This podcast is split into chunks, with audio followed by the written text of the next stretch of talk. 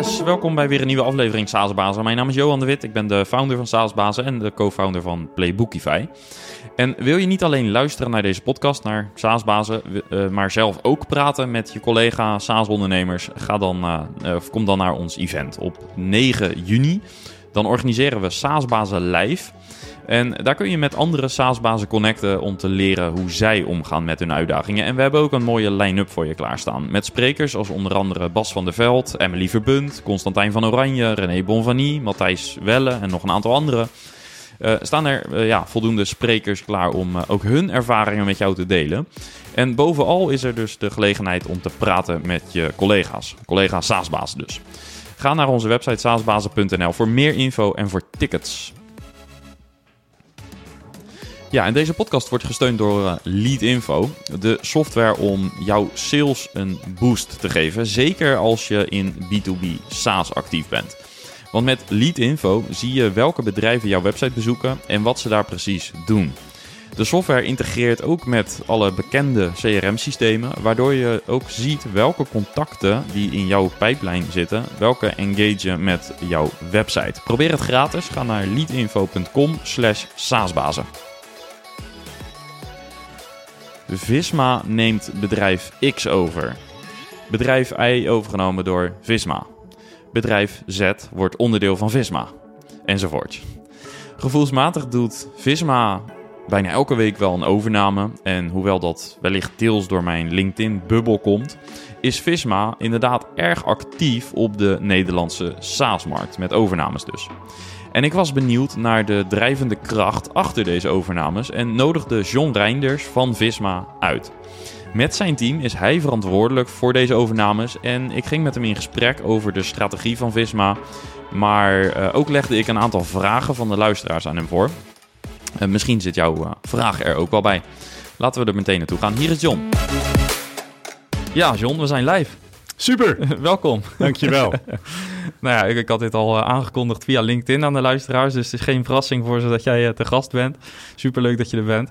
Uh, ja, je bent, uh, wat, wat, gaf je nou voor term? Ik ben hem vergeten op te schrijven, schrijven, maar het was de onderste punt van de frietzak, zei je dat nou? Nou, de onderste friet uit de frietzak, oh, dat was ik inderdaad. Ja, ja, ja, het is niet echt een SaaS-baas-term, maar onderste friet uit de frietzak. Zo kijk ik inderdaad naar mijn rol. Ja, oké. Okay, nou, daar gaan we het zo over hebben, over die rol. Tof. Um, ik, ik, kun je eerst een korte introductie geven voor misschien die ene luisteraar die Visma niet kent? Ja, graag. Maar allereerst superleuk om, om hier te zijn. Trouwe luisteraar. Um, Visma uh, van origine, Noors bedrijf. 25 jaar geleden daar begonnen. en in 25 jaar uitgegroeid tot, tot marktleider in, in de SaaS-wereld daar.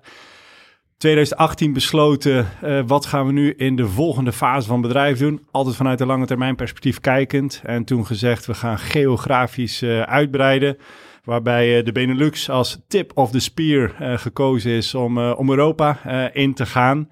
En ja, als Visma zegt, we gaan ergens gas geven, dan geven we ook gas. Dus we begonnen in 2018 in Nederland met één bedrijf, 200 medewerkers, 20 miljoen omzet. en als ik nu de balans opmaak, dan zijn we intussen met een, ja, een familie van meer dan 30 super gave SaaS-bedrijven, 4000 highly motivated en engaged collega's. En uh, tikken we bijna de half miljard omzet aan en bedienen we samen uh, bijna 500.000 klanten. Dus uh, we zijn lekker bezig. Wauw. Ja. ja. En dus vooral via M&A. Het is echt een combinatie van groei door overnames en organische groei. Want wij kiezen echt voor bedrijven en bedrijven kiezen echt voor Visma uh, die gezond zijn, die groeien, leading edge cloud zijn. En uh, ja, dan gaat dat hand in hand bij een club komen die je nieuwe mogelijkheden geven, groei versnellen. En dan, uh, dan kom je op dit soort mooie cijfers uit. Ja, ja. geen durfkapitaal dus hè? Nee. Nee, nee. En, en kun je misschien wat namen noemen die voor de luisteraar bekend zouden kunnen klinken? Van partijen die zich aangesloten hebben bij, ja. bij familie, ja zeker. Um, als je kijkt in uh, de accountingwereld, uh, waar, de, waar we veel stappen hebben gemaakt in 2020. Bedrijven als Yuki, uh, Numbers, Vision Planner, wat toch echt wel een aantal van de cloudsterren zijn in, in die markt.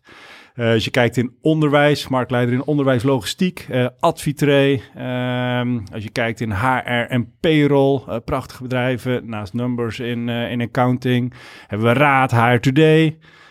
Ja, en I can go on and on. Ja. Echt super gaaf familie om te hebben. Ja. ja, knappe prestatie om dat in korte tijd zo te doen.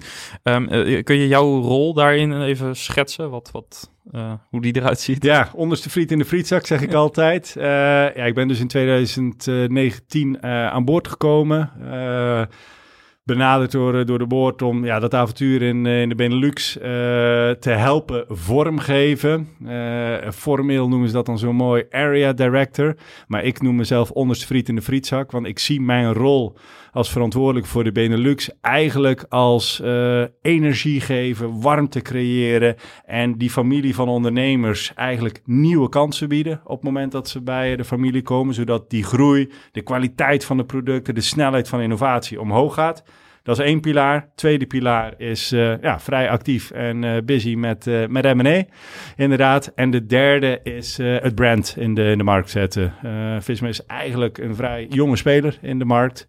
En daaraan bouwen en dat merk. Dus die drie pilaren. Ja, ja, maar echt vanuit een ondersteunende rol. Dus niet controlerend, inspecterend. En vandaar onderste friet in de frietzak. Ja. ja.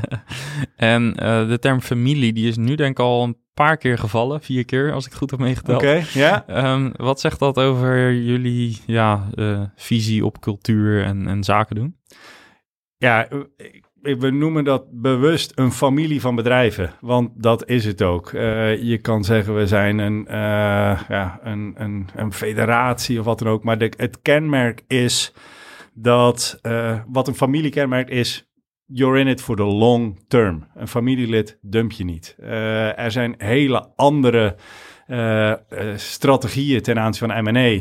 kopen, optimaliseren, doorverkopen onze intentie is, uh, once you're in the family, you stay in the family. Dus dat is een belangrijk kenmerk. Ander kenmerk van familie is dat dat veelal divers is. Je oom, je tante, je zus, je broer, je neef, je nicht, zijn allemaal andere soorten mensen. Ook binnen het bedrijf. Allemaal unieke bedrijven met unieke culturen. En die mogen er allemaal zijn. Maar familie is ook uh, een band die je hebt. En uh, dat zit ook tussen de ondernemers, de founders uh, die bij Visma komen. Ze zijn erg verbonden. Ze delen allemaal die passie voor, voor ondernemen. We leren van elkaar, we dagen elkaar uit, we zien nieuwe opportunities samen. Ja, dus vandaar familie. Ja. ja. En, en wat sprak jou destijds aan toen je gevraagd werd voor deze rol? Ja, ik zat uh, op een ander, bij een ander SaaS-bedrijf waar mogelijk luisteraars wel eens van gehoord hebben, Microsoft. Uh, daar had ik 15 jaar uh, ja, echt superleuke dingen gedaan. en ik had er nog steeds naar mijn zin. Maar wat me echt aansprak is, alles wat ik leuk vind kwam bij elkaar. Als je kijkt, er zijn drie dingen die mij als mens enorm biologeren. Ik, ben al, ik kom uit een ondernemersnest, niet in de SaaS-wereld, maar mijn vader zat in de whisky, mijn moeder in de kinderkleding opa en oma zaten in de boeken en in de, in de kleding. Dus altijd wel dat ondernemersbloed uh, gehad. Klein jochie stond ik al in de winkel. Uh, dus dat ondernemerschap. Tweede, ik ben een geek, een nerd, die ergens een gekke afslag heeft uh, genomen along the way. Ik ben echt begonnen, hardcore technologie, zelf software ontwikkelen. En die passie is er nog steeds. Het is een tijdje geleden dat ik zelf uh, mijn laatste regelcode geschreven, maar ik hou het nog bij, kijk wat er gebeurt en denk heel erg na wat kunnen we met die technologische ontwikkelingen voor mensen, bedrijven en de maatschappij. En wat is de gekke afslag die je hebt genomen? Ja, uh, en dan zit je nu op een, een plek waar je uh, ja, dan manager of zo bent, of SaaS-baas of onderste friet in de frietzak. Ik mhm. codeer niet meer. Mm. Uh, dus dat is de gekke afslag die ik overigens ook heel lang heb tegengehouden. Er zeiden altijd mensen in mijn omgeving, ah, je moet iets met een team gaan doen en dat leiden, daar zit leuke energie. Nee, nee, nee, lekker met die technologie bezig, lekker coderen, mooie dingen bouwen. Hm. En hoe kijk je daar nu op terug? Dat ja, mensen... die mensen hadden dat goed gezien. Hm. Ja. Want uh, ik kan die passie voor technologie nog steeds kwijt. Uh, alleen doe je dat op eigenlijk veel grotere schaal uh, dan, als je het, dan dat ik het zelf had gedaan. Dus dat is twee en het derde, en dat is eigenlijk wel een brugje naar je vraag. Ik ben eigenlijk de smile op mijn gezicht op het werk is als ik zie dat een persoon of een team of een bedrijf opeens dingen voor elkaar aan het is die ze nooit voor mogelijk hadden geacht. Uh, ik ben een rasoptimist, soms tot uh, ergernis voor mijn vrouw toe. Ik zie in alles een kans uh, en ik zie in elke fout die we maken een learning. En ik geloof ook in het onbeperkte vermogen van mensen en teams. En als ik dan zie dat een team opeens in een flow zit en dingen voor elkaar, ja, dan ben ik een happy camper. En die drie dingen, ondernemen, hardcore tech en organisatie en mensen helpen groeien, ja, dat is eigenlijk wat ik doe elke dag. Uh, Ja. Dus vandaar de keuze. Ja, en Ja. Dat, dat was de opportunity die je zag. Eh, nu ben je een paar jaartjes verder. Ja, 2,5 jaar. Ja. Eh, en ik bedoel, die drie componenten en de onvoorstelbare ambitie die er lag. Eh, Ik bedoel, als ik je net beschreef waar we nu staan en waar we stonden toen ik begon. Ja, dat is toch ook wel een soort droom dat je daar een onderdeeltje van mag zijn. ja. Super gaaf. En, en waar gaat dit verder naartoe? Dus waar, eh, eh, ja, als we nog 2,5 jaar verder kijken, wat, wat is er dan allemaal gebeurd? Ja, ik zat, eh, net als elke dag, eh, heb ik het enorme eh, genoegen om ja, met, met nieuwe bedrijven, andere bedrijven kennis te mogen maken. En gisteren stelde een founder mij ook die vraag, waar, waar gaat dit naartoe? En ik zeg, ja, ik moet je iets eerlijk bekennen, Karel. Ik heb het gevoel dat we nog maar net begonnen zijn. Dus Karel, als je luistert, maar dat we echt nog maar net begonnen zijn. We zijn nu in Nederland ja, dik, dik drie jaar aan het, aan het bouwen. Maar als je ziet hoe tech zich ontwikkelt, eh, wat de rol in de maatschappij aan het worden is en het belang op een aantal van de grote maatschappelijke problemen die we hebben, of je het nou hebt over arbeidsmarktproblematiek, wat dan ook. Er is nog zo ontzettend veel te doen. En ik vind het gewoon heel erg gaaf om daar aan te mogen bijdragen. Dus ja, waar staan we? Eh, als je twee, drie jaar vooruit kijkt. Ik durf het niet te zeggen. Ik had niet durven zeggen dat we vandaag staan eh, waar we nu staan. Als je het me twee jaar geleden had gevraagd. Maar is ook niet zo belangrijk. Eh, als je maar weet wat ik vandaag doe, dat is het juiste. Als je maar een beeld hebt, nou morgen, volgende week, die maand daarna ga ik me daarop richten. We'll see. And enjoy the ride. Ja. Ja. En wat zou je er voor jou zelf persoonlijk uit willen halen uit dit avontuur? Als je over een paar jaar terugkijkt op dit alles. Ja. Eh, aan de basis zit voor mij een grote drijfveer eh, om, eh, om een bijdrage te leveren aan de maatschappij waar we, waar we in zitten. Ik heb een hele tijd geleden, 2004, eh, heb ik een lange reis gemaakt. een jaar lang op pad geweest. En eh, in landen geweest en in weeshuizen gewerkt, waar ik toch wel tot ja, het inzicht ben gekomen dat het feit dat ja, jouw wiegje hier heeft staan, mijn wiegje hier heeft staan, we de kans hebben gehad om te gaan studeren. Ja, wij zijn gewoon zondagskinderen. En ehm, dat is een, ja, een groot goed. Maar ik heb ook ingezien dat eh, de impact die wij kunnen maken op het leven van mensen eh, echt wel groter is dan je denkt. Ik was wel altijd van bezig met mensen om me heen. Maar de schaal waarop je impact kan maken, kan vele malen groter. En technologie speelt daar zo'n cruciale rol bij. Dus als je me vraagt waar wil je op terugkijken, van onze visie is to help shape the future of society through technology. Dat bewaarheid laten worden. Dat wij de toekomst van onze maatschappij helpen vorm te geven met behulp van technologie. Daar wil ik voor staan. En dat is op macroschaal. Ja, en op microschaal is het. Ja, heb ik die individuen, die mensen waar ik elke dag mee mag werken of af en toe mee mag werken. Kijken die terug en zeggen: Ja, dat werken met, eh, eh, met John, dat was gezellig. Dat was een awful lot of fun.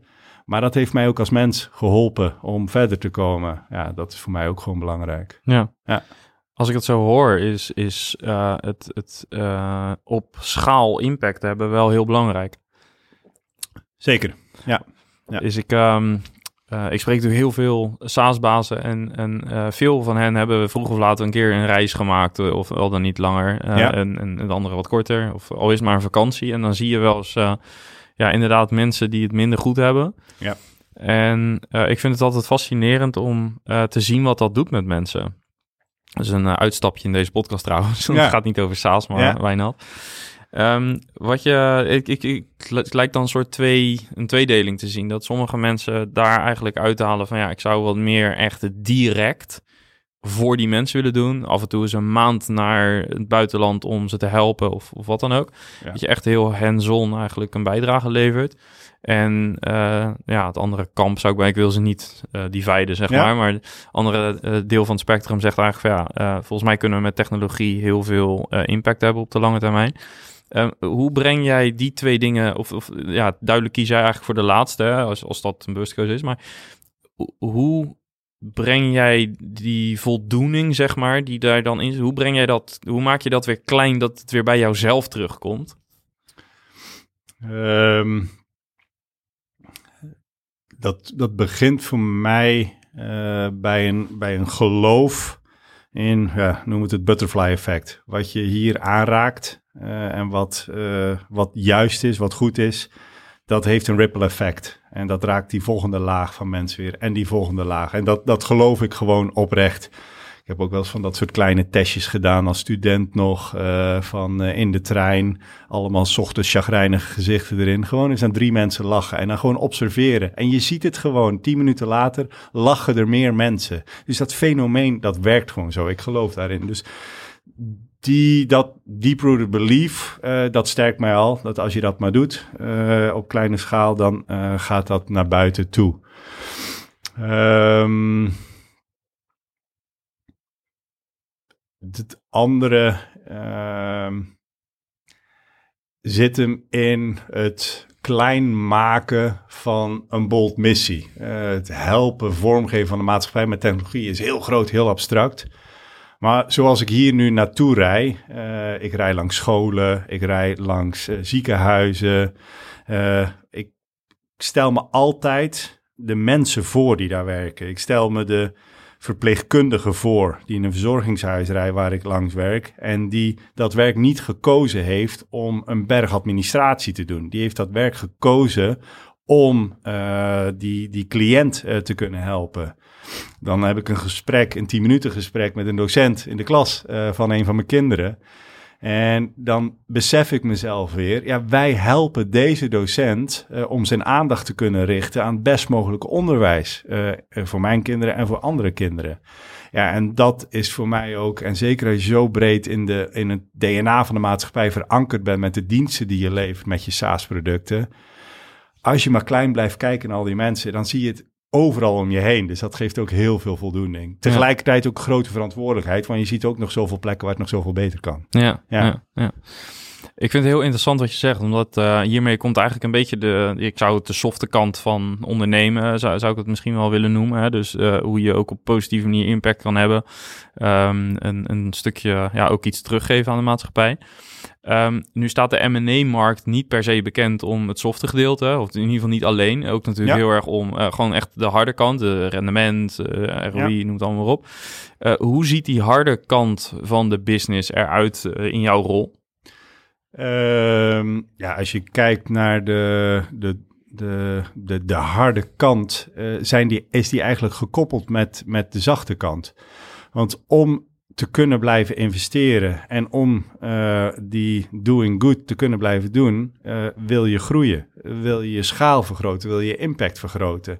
En dat kan je niet als je een financieel ongezonde organisatie hebt. Dan heb je simpelweg de middelen niet om te innoveren, om te acquireren, om uh, te expanderen. Dus voor mij is, zijn dat geen twee werelden. Dat zijn twee werelden die nauw met elkaar verbonden zijn. Um, dus ja, die gaan hand in hand. Ja, en, ja. en, maar als je dat terugbrengt uh, naar de praktijk, want ja. dit, dit, ja, dat snap ik. Um, en, en hoe ziet dat er dan uit als je op een gegeven moment met een, nou, even heel plat naar vandaag, naar ja. een SaaS-baas uh, gaat en uh, jullie hebben beide het gevoel van ja, volgens mij passen wij goed bij elkaar. We kunnen inderdaad impact hebben op de maatschappij, dus het past ook in de lijn van, van de visie, de missie. Uh, er, die synergie is er. Uh, maar dan op een gegeven moment komt er een moment, dan moet het gaan over onderhandeling, over uh, hoe gaat de, de deal eruit zien. Ja. Um, hoe is het om dat te schakelen, zeg maar, voor, voor jou, maar ook voor de SaaS-baas? Wat, wat merk je daarin? Ja, dat is eigenlijk gewoon een, een, superleuk onderdeel van, ja, van de hele dans, van het hele spel, van... Het hele proces. Ja, ik zei het ook, ik ben ook een, een nerd. Ik hou ook van cijfers. Dus ik vind dat eigenlijk een heel mooi onderdeel. Want die financiële weergave van een deal, van een groeitraject, uh, wat achter bedrijven ligt en wat geschetst wordt voor de toekomst. Ja, dat is ook zo'n vertaling. Dus ik geniet daar eigenlijk ook wel van. En dan de intellectuele puzzel met elkaar van, hey, kloppen die lijnen, staan die metrics goed uh, en is dit een gezond bedrijf waar echt die potentie in, in zit. waar je ook een stuk waardering op, op baseert. Uh, dus ja, ik vind dat dus eigenlijk een heel leuk onderdeel van het hele spel. Ja. Ja. ik kan me ook goed voorstellen, zeker ook in jouw rol, omdat je natuurlijk ook probeert, kijk, een deal, uh, een deal maken, dat kan natuurlijk spannend zijn. Hè? Er zit uh, emotie bij en, en ratio natuurlijk. Ja. Um, en en ik heb best wel nou, behoorlijk wat SaaS-bazen inmiddels gesproken, ook die een bedrijf hebben verkocht. En je merkt vaak wel dat er ergens in dat proces uh, je ziet een soort vergezicht. En doordat je nou, door een overname vaak in staat bent om groter te denken, groter te opereren, uh, komt natuurlijk heel veel energie vrij. Alleen uiteindelijk merk je ook dat ze tegelijkertijd in dat proces. Je hebt even in de onderhandeling ben je niet met elkaar, maar ben je tegen elkaar, hoor ik vaak. Hè? Dus althans, zo is hoe zij dat vaak ervaren. En um, hoe zorg je ervoor dat je ondanks het feit dat jullie natuurlijk ook voor je aandeelhouders zorg, wil zorgen voor een goede deal, dat zij voor zichzelf een goede deal willen maken. Hoe, hoe, wat, welke ja, balancing act vindt daar plaats? Ja, ja ik, ik denk dat het vertrekpunt uh, bij ons is, het moet, waar, precies wat je zegt, het moet voor allebei een goede deal zijn. Uh, vertrekkend vanuit dat punt, uh, wij acteren vanuit een, een familie van bedrijven. dus we're in it for the long term. Uh, dus uh, als wij een deal maximaliseren en waardoor die eenzijdig interessant wordt, dan heeft dat lange termijn consequenties. Uh, dan ga je niet die relatie aan uh, met die intentie van lange termijn, dan maak je iets kapot. En dat kunnen wij in onze strategie ons niet in veroorloven. Dus die, die balancing act van klopt het voor beide partijen, die zoeken we altijd op, omdat dat de enige manier is uh, om daarna uh, in goede harmonie en met superveel energie door te pakken. Um, en ik denk dat ook dat tegenover elkaar staan, voel ik heel vaak anders. Uh, ik voel het meer is dat je beide op zoek bent naar de oplossing. En niet dat je tegenover elkaar staat, maar dat je naast elkaar zit naar dezelfde puzzel te kijken. Hoe krijgen we hem passend? En tussen de ondernemers en, uh, en Visma eh, gaat dat eigenlijk altijd vrij soepel, vrij natuurlijk. En zijn we meer bezig met de plannen, met de ideeën, met de kansen die we gezamenlijk zien, dan met proberen te bewijzen dat de ander ongelijk heeft, om dan een betere deal te krijgen. Waar we altijd heel erg voor oppassen, is als juristen te veel met elkaar gaan, gaan praten. Hm. want dan zou je tegenover elkaar kunnen komen staan. We hebben één uh, bedrijfsjurist die, uh, die ons meedoet. Maar dat is eigenlijk zelf ook een soort ondernemer. Uh, Die kijkt naar mogelijkheden, hoe krijgen we het voor elkaar? Ja. Dus dat, en dus natuurlijk, er liggen juridische componenten aan. Je moet je risico's afdekken en zo. Dus dat moet je zorgvuldig doen. Maar ook daar moet je weer, of kijken wij weer met dat ondernemende oog. En dan valt dat tegenover elkaar staan eigenlijk wel heel erg mee. Ja. ja.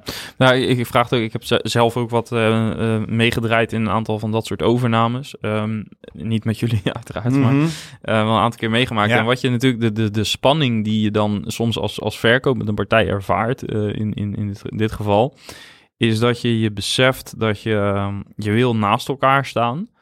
Um, alleen de praktijk, in mijn ervaring, was heel erg dat je uh, je beseft je, eh, op dat moment zit je tegenover elkaar, want je moet toch je eigen belangen verdedigen. Misschien dat dat iets meer zegt over mij trouwens hoor, dus dat hoeft niet voor iedereen te gelden.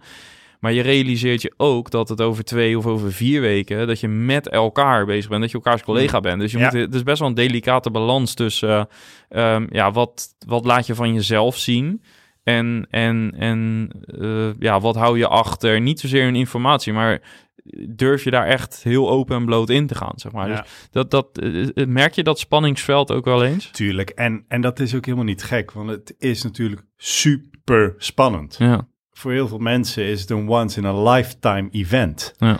Uh, dus dat is ook gewoon spannend. En daar gieren emoties door, ratio, uh, een stuk, ja, uh, van al dat harde werk wat erin gaan is, waar je dan ook wat voor terug wil zien als, als ondernemer. Uh, en ook voor ons als partij, als Visma, is het ook elke keer weer spannend. Want dat denken soms mensen van, ja, het is één in de vele. Maar elk traject is weer uniek. Elk traject is weer daten, spannend, elkaar leren kennen. En Ja, ik denk de basis ligt voor mij toch altijd, maak je als mens verbinding met elkaar. Ik bedoel, het feit dat je aan tafel zit met elkaar betekent al van, hey, wij kijken naar jullie business, jullie product, jullie markt. Dat is gaaf, daar geloven we in, daar zouden we wel eens wat mee willen en kunnen doen. Maar dan, ja, leer elkaar kennen, heb, heb vertrouwen in elkaar. En dan is het denk ik wat minder spannend, van dan kan je jezelf wat meer blootgeven. En ook transparant zijn over uh, ja, je intenties, je belangen. Je wil soms misschien, dit is het moment om een stuk financiële onafhankelijkheid voor mezelf uh, te creëren. En daar hoort dit als basis bij. Ja. En dat kan je dan gewoon op tafel leggen. Ja. En dat maakt het soms wat minder ingewikkeld of wat minder spannend. Ja. En nu ben jij natuurlijk ja. uh, vanuit jouw rol natuurlijk ook heel bewust van de fase waar je in zit. Voor zo'n founder is het inderdaad misschien de eerste keer. Ja. Jou, uh, jij herkent die fase dan denk ik uh, natuurlijk wat mm. Um, hoe speel je in qua tone of voice, qua um, nou ja, eigenlijk de persoonlijkheid die je in zo'n deal legt in die verschillende fasen? Um, ik zit, nou, interessante vraag. Ik zit mezelf af te vragen: verandert er iets gedurende het proces? Mijn insteek als, als mens is: uh, je maakt het jezelf ontzettend ingewikkeld uh, als je rollen gaat spelen. Ik heb in het begin van mijn loopbaan uh, gedaan. dacht ik dat ik in alles perfect moest zijn. Dan ging ik een soort rol spelen super, eh, super vermoeiend. Ja. Dus mijn inzicht als, ja, wees wie je bent, maak dingen heel makkelijk. En op lange termijn zorgt het ook niet voor verrassingen. Dus persoonlijkheid, rol, houding uh, verandert niet. De inhoud gedurende het proces hm. verandert, denk ik. De zwaartepunten van, hey, zit je in een fase van kennismaking? Wie zijn die mensen achter hm. het bedrijf? En wie zijn die mensen van Visma? Uh, dan heb je, heb je het over andere dingen. Uh, het is niet zo dat je bijvoorbeeld bij het eerste gesprek met een iets meer gereserveerdheid komt dan dat je bijvoorbeeld op een gegeven moment als je elkaar kent, dat je uh, nou, wat, wat, wat opener stelt. of gereserveerdheid dat je... pas hebben kan ik niet, als zou ik het willen. nee. Oké, maar ook dus niet in onderhandeling dat je zegt van nou, dit, dit is... Want ik, ik ken de M&A-wereld enigszins ja. en ik zie inderdaad wel dat... ik heb een aantal deals meegemaakt Um, waarbij ik ook echt in de auto zat um, naar een deal. En waarbij ik, ik, merkte dat de mensen gewoon veranderden. En dat, niet, niet, niet in de kern, hè, want je bent gewoon je, je identiteit, je persoon. Maar bijna een soort mindset. Die gewoon dus, dus niet in negatieve zin. Maar dat je gewoon weet van kijk, ik moet nu op scherp staan. Want ik wil, uh, ik wil gewoon echt ik wil dat het klopt. Terwijl dat op het moment dat je verder in het proces zit, dat, misschien dat de spanning dat het afgaat, dat, dat allemaal, dat, dan, dan zie je ook vaak dat mensen wat relaxter worden. Uh, dus dus daar, daar, maar dat is met name het menselijke aspect, zeg maar. Hoe je er als mens in staat en hoe je dat ervaart. Dat, dat, ja.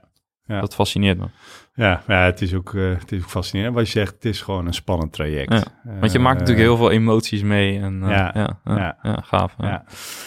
Um, ja, ik kreeg ook wat vragen van, uh, van, uh, van uh, luisteraars natuurlijk via, via LinkedIn, via die leuk. oproep. Dus leuk om daar ook even doorheen te gaan. Wat ik sowieso interessant vond was, um, het is een, ik weet niet of het een term is, maar wat voor type loslaters zie jij bij ondernemers? Dus als de deal beklonken is, ik kreeg een beetje context, als de deal beklonken is, yeah. um, welke mate van loslaten is er noodzakelijk binnen de manier zoals jullie zeg maar de overnames vormgeven? En wat voor types zie je daarin? Ja, grappige vraag. Wat voor type loslaters? Uh, ik zie, en dat is denk ik ook een gevolg van wat we zoeken als, als type ondernemer die zich wil aansluiten bij de Visma-familie. Uh, er wordt ontzettend weinig losgelaten. Um, want de intentie die we hebben is, we gaan samen verder. Uh, en 70% van de founders uh, die aansluiten bij Visma zitten er na vijf jaar nog. Uh, dus er wordt weinig losgelaten. Um, eh, zelfs, eh, je hebt daar verschillende constructies in. In de eerste fase kan je nog in een earn-out zitten, waar je nog andere financiële verbondenheid hebt uh, als die afloopt. Maar ook daar zie ik het engagement, de betrokkenheid, het, het, de vastberadenheid om dat bedrijf naar het next level te krijgen, zie ik niet tot, tot loslaten leiden.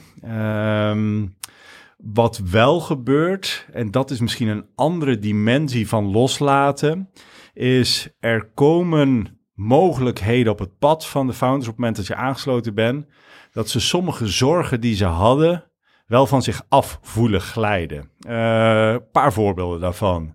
De eerste is, je bent gewoon onderdeel van een bedrijf, een hele gezonde cashflow. Uh, dus dat zorgpunt wat sommigen hebben van past het net, past het niet, dat glijdt ervan af. Dat zit goed, dat is secured. Daar staat een bedrijf achter wat dat backt. Uh, het andere is een, wat ik bij heel veel SaaS-bazen uh, zie spelen, is uh, de druk die ze ervaren vanuit een cybersecurity perspectief. het is onvoorstelbaar wat er gaande is als je daar diep duikt en hoe intensief die strijd is. Uh, en hoeveel bedrijven er gewoon ten onder gaan omdat ze een security op hadden. En dat drukt op, uh, op organisaties. En als het er niet op drukt, dan moet je afvragen, klopt er iets niet? Want je moet daar wakker van liggen in de context waar we vandaag de dag in opereren. En een van de dingen die we doen op het moment dat een SaaS-club uh, zich aansluit bij Visma, hangen we eigenlijk die hele SaaS-technologie in het Visma Security programma. En dan gaat dat hele systeem gaat aan. Dus dan gaat live code scanning plaats. Uh, er gaan bug bounty programma's gaan er los op je tag. Uh, uh, alle data wordt in het dark web gescand. Gebeurt er iets met jouw klant waar, op daar? En dat is wel een relief, zeggen sommige mensen. Van ik kan slapen, want ik weet, ik hang erin, het werkt. En als er ook maar iets mis is, dan weten we dat meteen. We hadden pas weer zo'n hele grote uh, hack wereldwijd, Log4j. Uh, en ja, dan is het voor die saas gewoon fijn. Binnen een paar uur weten ze precies waar ze aan toe zijn. Peace uh, of mind. De club. En nu ook wat er nu treurig genoeg in, in, in Oekraïne gaande is. Ook dat roept veel vragen over. Wat gebeurt er nu? En ja, met ons Cybersecurity Operations Center zitten we daarop. We zien wat er gebeurt. We zijn engaged met de nation states en we weten het gewoon. Dus uh, dat, is, uh, dat is peace of mind. Dus dat zijn dimensies van, van loslaten. Um, en een andere is, en dat vind ik wel intrigerend, ben ik ook wel nieuwsgierig naar jouw perspectief. Ik vind SaaS-baas, wat ik het mooie vind, het is een community. En jij, jij, jij faciliteert dat ook, waar heel veel van elkaar geleerd wordt. Uh, en dat was ook mijn, uh, mijn beeld voordat ik bij, bij Visma kwam.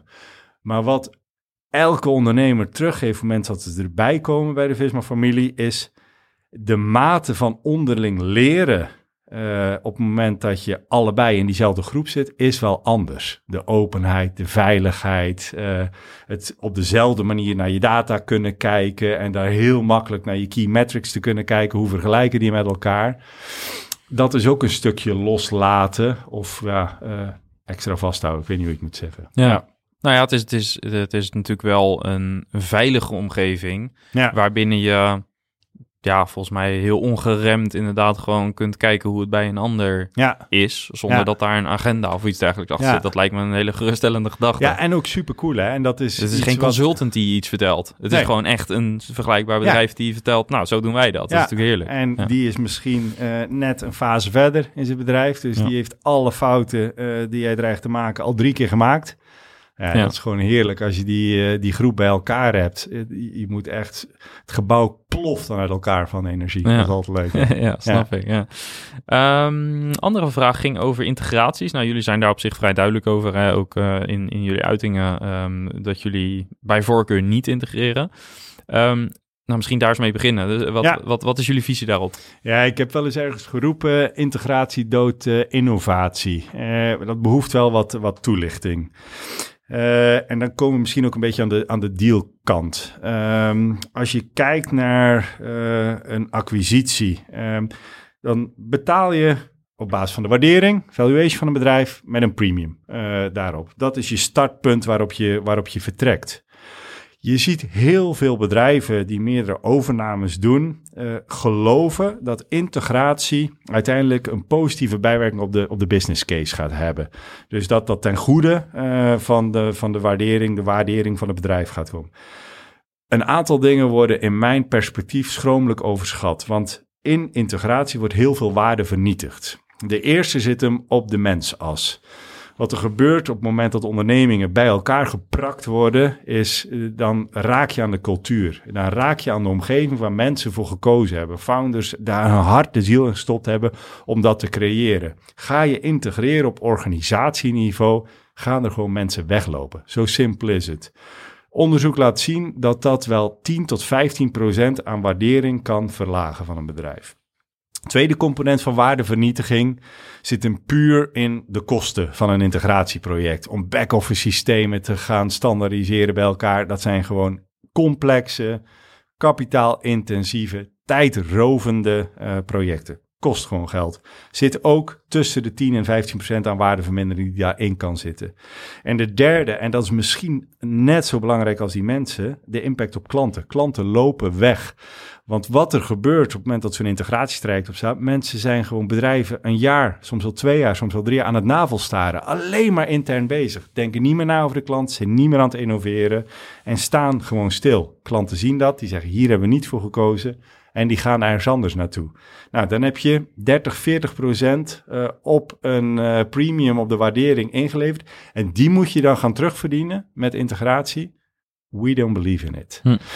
Uh, dus wij kiezen er bewust voor om die gezonde, uh, goed geleide, groeiende organisaties zelfstandig te houden. Te ondersteunen met nieuwe mogelijkheden. En daar waar ondernemers onderling zien hier ligt een kans als wij op productniveau gaan integreren, als we onze go-to-market samen gaan opzetten, dan supporten we dat 100%. Maar dan komt het weer uit die ondernemers die hm. samen die kans zien. En we beseffen ons ook dat we hier een stuk kostensynergie laten liggen. Uh, want uit de, op de lange termijn ja, kan je de kosten uitsnijden als je wil. Maar ja, want dat, wat, ja, wij richten ons op groei. Ja, ja, want dat, ik, ik kan me voorstellen dat op korte termijn inderdaad, dat, nou ja, dat is volgens mij heel herkenbaar. Iedereen die ooit eh, samen is gegaan, die weet volgens mij hoe lang je bezig Ik denk dat een jaar nog heel voorzichtig is. Volgens mij kan dat veel langer duren voordat je echt, echt synergie hebt. Ehm, op de hele lange termijn zou dat misschien wel wat kunnen doen. Hè? Dat is volgens mij ook waarom Amerikaanse uh, bedrijven juist doorgaans wel uh, zo'n integratie opzoeken. Um, eh, maar er zijn misschien ook wat, ja, noem het quick wins, die, die misschien in integratie niet zo heel veel kosten. Bijvoorbeeld op het gebied van data. Stel dat je data met elkaar gaat uitwisselen, wat in die zin minder complex en een impact heeft op zaken als, als cultuur bijvoorbeeld. Um, denken jullie daar wel over na om, om dat soort dingen te integreren, om met elkaar uit te wisselen? Zeker. Um, maar nogmaals, dat komt vanuit het geloof van de ondernemers. Uh, dat daar uh, waardevermeerdering voor de klant uh, in, in zit als ze dat gaan doen. Dus dat is niet het, het uitgangspunt. Nu zitten we wel in een situatie waar bepaalde groepen bedrijven, bijvoorbeeld in accountancy, in zorg, in, in onderwijs, de clubs binnen Visma die in dat domein zitten, die hebben gezegd: wij zien gezamenlijk een kans om uh, meerwaarde, een unieke propositie in die markt te leveren en eigenlijk status quo die er is qua keuze in de markt te gaan, uh, gaan doorbreken. En die kiezen bewust, wij willen een connected experience in die markt gaan inzetten. Dus wij leveren echt een best of breed uh, set aan oplossingen waar klanten keuzevrijheid hebben. Zoals bijvoorbeeld een boekhoudpakket met een, boekhoud met, met, een HR, met een HR. Ja. ja. Uh, maar wij zorgen dat die producten echt geïntegreerd zijn. Klanten kunnen nog steeds kiezen, dus geen gedwongen winkelnering. Je, als je eenmaal één Visma-product hebt, moet je ze allemaal hebben. Ze connecten ook met partijen die niet bij de Visma-familie zitten. Maar wij ontnemen klanten die last van het moeten integreren als je zo'n zo'n uh, best-of-breed uh, benadering kiest. Ja. En als je, uh, dus bij integraties is iedereen vrij, iedere eindgebruiker. Um, kan ik ook als eindgebruiker bepalen of mijn data bij andere Visma, Visma familieleden... Dat, dat, staat gewoon, ja. ja. daar, daar maak je afspraken voor in, de, in de terms, absoluut. Oké, dus in feite is er echt sprake van jullie integreren alleen als het meerwaarde heeft voor de klant. Ja. En dat het eigenlijk gefaciliteerd wordt of geïnitieerd wordt vanuit de ondernemer. Niet Ja. van top-down vanuit Visma Ja. als, als hoofd. eh. Ja, als je dan bijvoorbeeld kijkt wat de scenario's zijn in zo'n connected experience voor accountancy, voor zorg, voor onderwijs, waarvoor gekozen wordt, echt vanuit de eindgebruiker. Het begint met hele basale use cases als eh, single sign-on. Als je recht hebt op meerdere applicaties gebruiken, één keer in. Makkelijk kunnen switchen tussen applicaties in context. Dus je zit in boekhoudpakket op een bepaalde klant en je wil dan naar je CRM-pakket. Dat je in context naar die andere applicatie, maar wel op diezelfde klant uitkomt. Niet in de startpagina door drie keer doorklikken. Ja. Dat soort use cases. Maar ook hele geavanceerde use cases eh, in, in onderwijs waar enorm veel administratie achter zit. Eh, je kan je voorstellen dat een ziekmelding van een docent bijvoorbeeld eh, heel veel systemen raakt. Er moet iets in het rooster gebeuren, er moet een ziekmelding in het HR-systeem, er moet iets in het financiële systeem. Als je die hele trigger van events aan elkaar klopt en het maar één keer in een bronsysteem moet gebeuren, ja, dat is gewoon super fijn voor klanten. Ja. Ja. ja. Ja. Helder. Ehm, zijn er situaties van, van integraties waar jullie noodgedwongen ehm, iets, iets mee moesten doen? Dat jullie noodgedwongen een integratie moesten maken tussen meerdere pakketten, omdat dat vanwege een overname eh, strategisch uitkwam? Of dat ja, andere redenen die je zou kunnen bedenken? Ja, noodgedwongen is. eh, Nee, eigenlijk niet. Eh, Hm. Het enige waar, waar ik over zit na te denken, daarom ben ik even stil, is als er van wet en regelgeving dingen Ja, komen precies. die een bepaalde Extern ontwikkelingen drijven. Maar Ja. anders is het of de klantvraag eh, of de kant die ondernemers eh, gezamenlijk zien. Wat ik je net vertelde over die connected experience, dat komt uit een klantvraag. We waren in, eh in Hamar met een, met een aantal van de, van de grote spelers in de markt en accountancy. En een van die bestuurders die vroeg van, ja, het is echt indrukwekkend wat er gebeurt aan, aan M&A, maar wat heb ik daaraan als klant? En toen is dat dingetje gaan, gaan rollen. Enerzijds maken we die bedrijven sterker, securer, innovatiesnelheid gaat omhoog. Eh, maar toen kwam dat idee van, hey, als we die nou eh, op de voor de accountant relevante processen koppelen, eh, dan zit daar meerwaarde in. Dus het is echt weer zo'n klantgedreven idee wat dan ontstaat. Ja. Ja. ja. Ehm, een van de andere vragen ging over innovatie. En die vind ik heel Ja. interessant, omdat je, je, je zei net ehm, eh, innovatie, dat eh, of je, nou eigenlijk, ik zal het statement gewoon, Ja. eh, gewoon eh, voorlezen. De markt vindt juist dat het ten koste gaat van de innovatiekracht van de afzonderlijke delen. Dat is even de samenvatting. Ehm, wat deze persoon verder in een lange mail Ja. stuurde, was eigenlijk... ehm, het, je bent na zo'n overname ben je alsnog best wel eh, wat tijd bezig om alles op hetzelfde IT-platform te krijgen, andere codetaal. Nou, ik begreep net van jou dat dat niet zo heel erg eh, geldt eigenlijk. Ehm, maar eigenlijk bottom line zegt deze persoon eigenlijk, ja, iets vanuit de accountancy-markt Ja. eh, vind ik juist dat er achterstand in innovatie oploopt en dat er hogere prijzen komen. Wa- Ja. ja, wat is jouw verhaal daarover?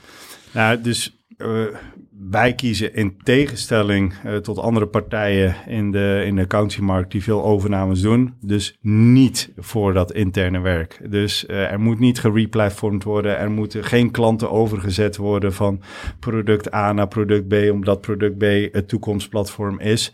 Dus al die interne focus is er niet.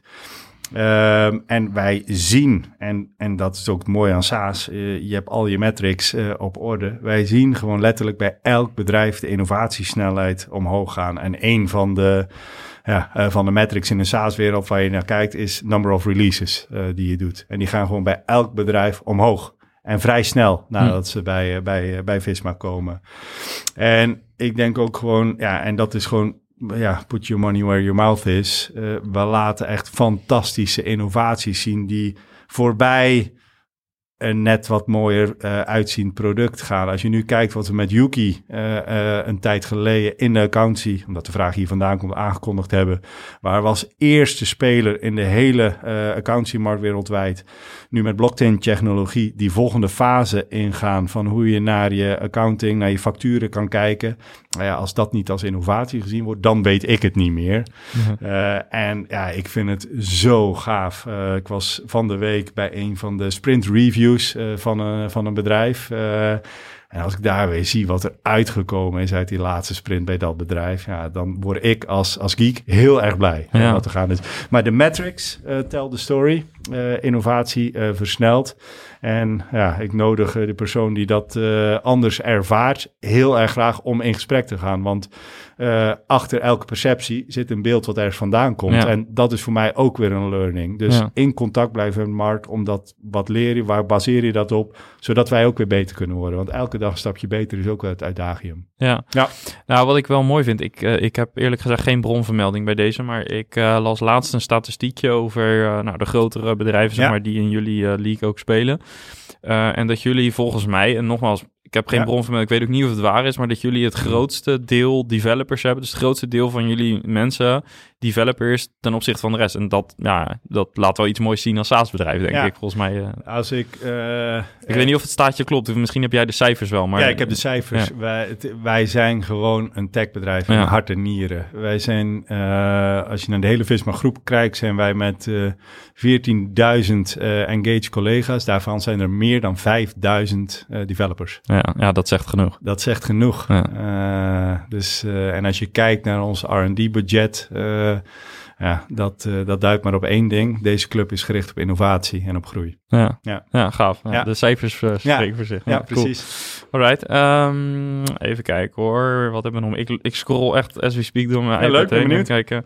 Ehm, nou, eigenlijk niet zo heel veel meer. Ja, internationale strategie nog. Maar daar begon je eigenlijk mee. Hè? Dus dat jullie eh, Nederland of de Benelux eigenlijk echt zien als beginpunt. Ja, ja. Eh, van het vasteland, wat ik zeg. Ja, precies, Eh, ja. Het beginpunt ligt in eh, Scandinavië.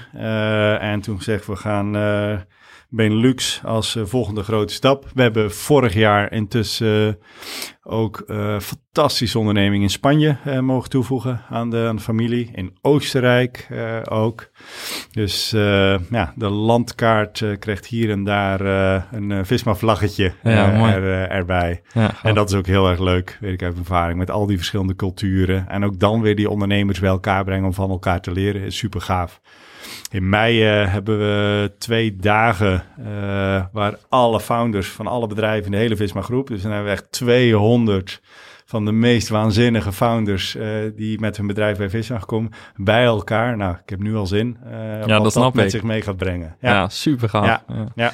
Ja. dat lijkt me wel echt een van de mooiste Ja. eh, dagen van het jaar. zeg Ja, dat is ja, alsof je in een speelgoedwinkel dan, dan rondloopt Ja. en uh, denkt van holy moly, wat loopt hier rond aan talent, aan passie, aan Ja. visie. Dat is Ja. echt gaaf. Ja, Ja, heel tof. Ja. Ja. Ja. Inspirerende ja. twee dagen om naar te kijken. Leuk. ja. Ehm, ja, ik ben eigenlijk ook wel gewoon benieuwd nog naar eh, dingen die jij graag nog zou willen delen met eh, de luisteraars. Jij kent de SaaS-basis natuurlijk als geen ander. Ja. Ehm, is er nog iets wat we niet hebben aangeraakt vandaag? Want ik probeer natuurlijk ook een beetje de, de vragen aan te Ja. houden.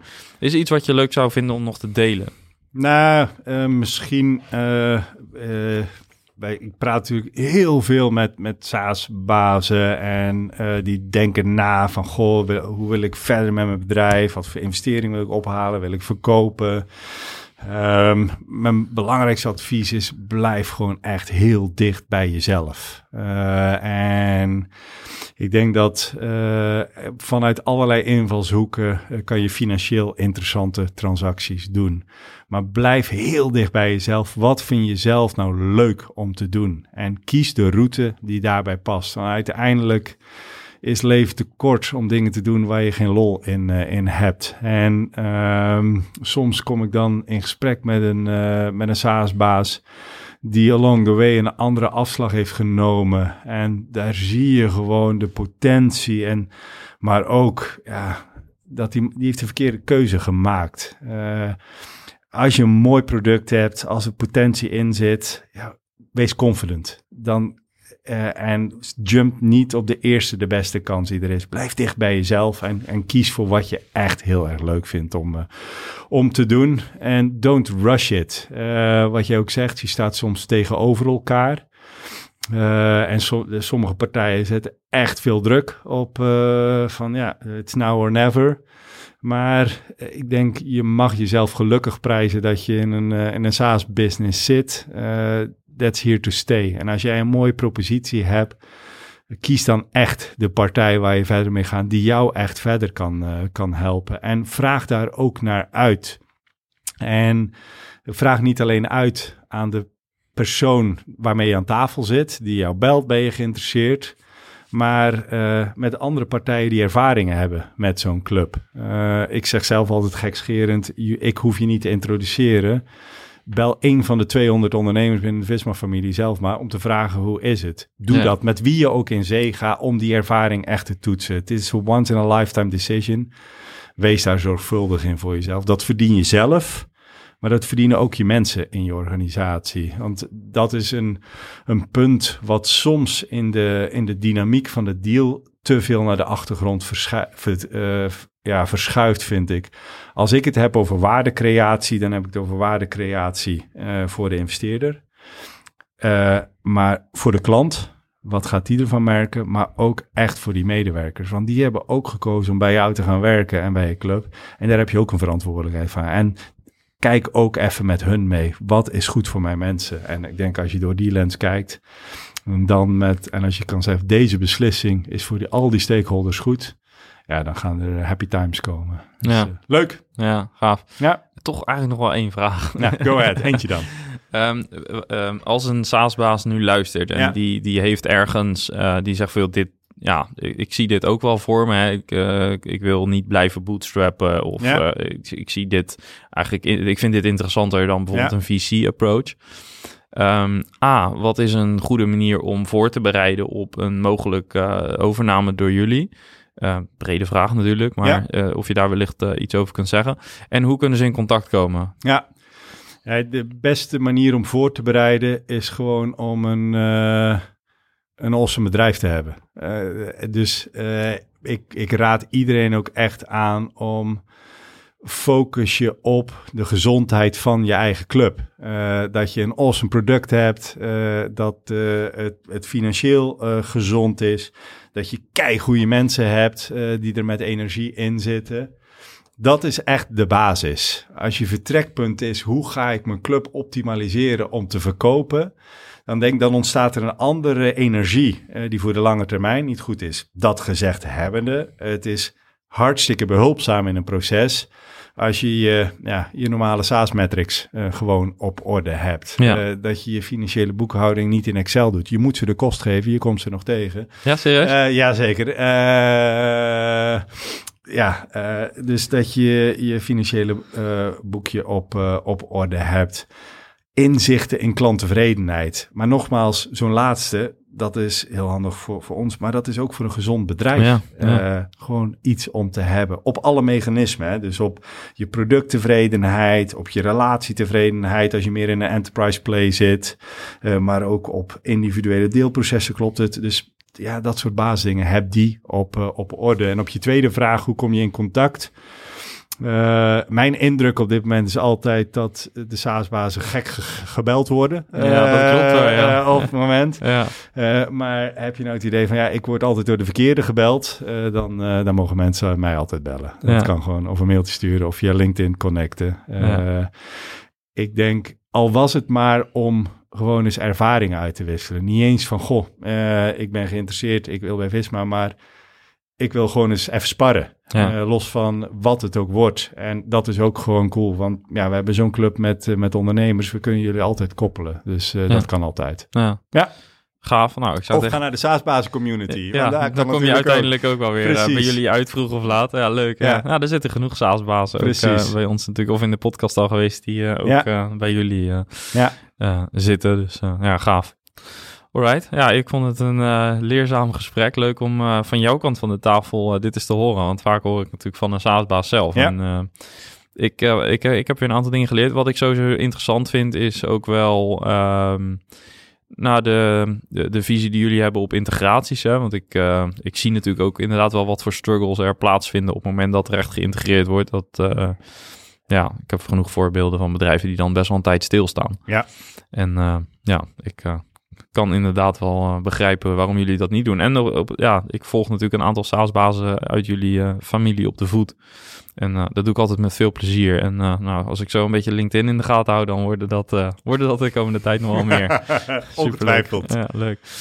Alright, nou, dankjewel nogmaals voor het gesprek. Graag gedaan, thanks. Yes, en ik hoop dat, je, ja, deze, dat deze aflevering jou ook wat meer inzicht heeft gegeven in de strategie en het verhaal van Visma. En een aardig detail, ik neem deze podcast in series op. Dus één dag per maand ben ik in de studio om vier interviews op één dag te doen.